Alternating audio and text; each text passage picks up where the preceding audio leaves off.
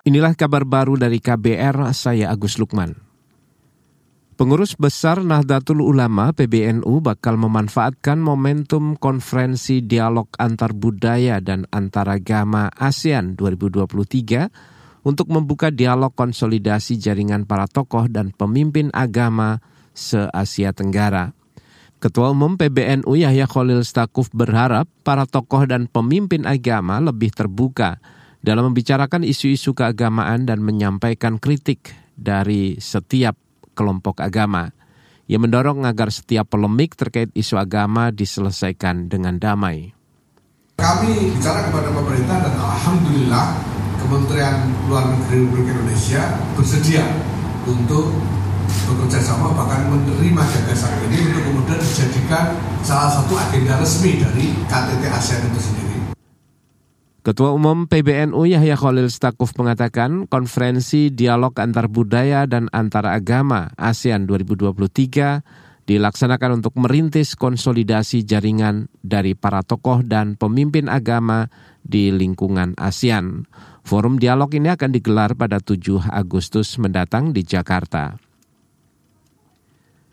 Kita ke lantai bursa. Perdagangan saham di Bursa Efek Indonesia sore ini terus bergerak di zona merah. Indeks harga saham gabungan IHSG ditutup di level 6.854,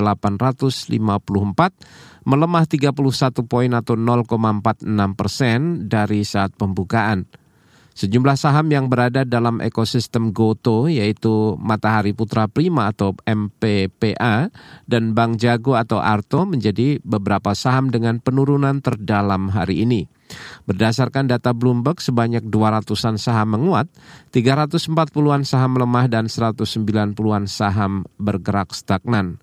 Pelemahan juga terjadi di nilai tukar rupiah. Dilansir dari Refinitiv, rupiah melemah terhadap dolar Amerika Serikat sebesar 0,40 persen dan diperdagangkan di level 15.170 per dolar Amerika.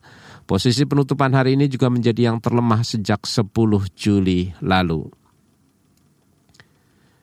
Kita ke Jawa Tengah, pemerintah kota Solo akan mengajukan dua lapangan pendamping baru sebagai tambahan venue Piala Dunia U17.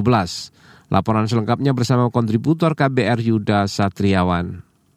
Pemerintah Kota Solo mengajukan dua lapangan pendamping baru sebagai tambahan untuk venue Piala Dunia U17.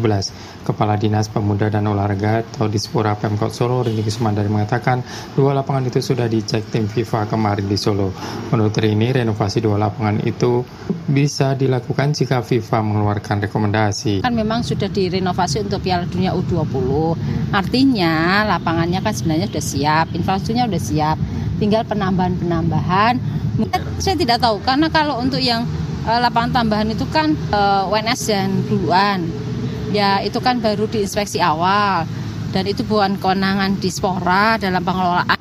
Lebih lanjut ini menjelaskan sudah ada empat lapangan pendamping untuk venue Piala Dunia U17 di Solo selain Stadion Manahan. Empat lapangan pendamping itu berfungsi untuk lokasi latihan masing-masing empat timnas peserta grup Piala Dunia U17. Dari Solo, Jawa Tengah, Yudha Satriawan, KBR. Inilah kabar baru dari KBR, saya Agus Lukman.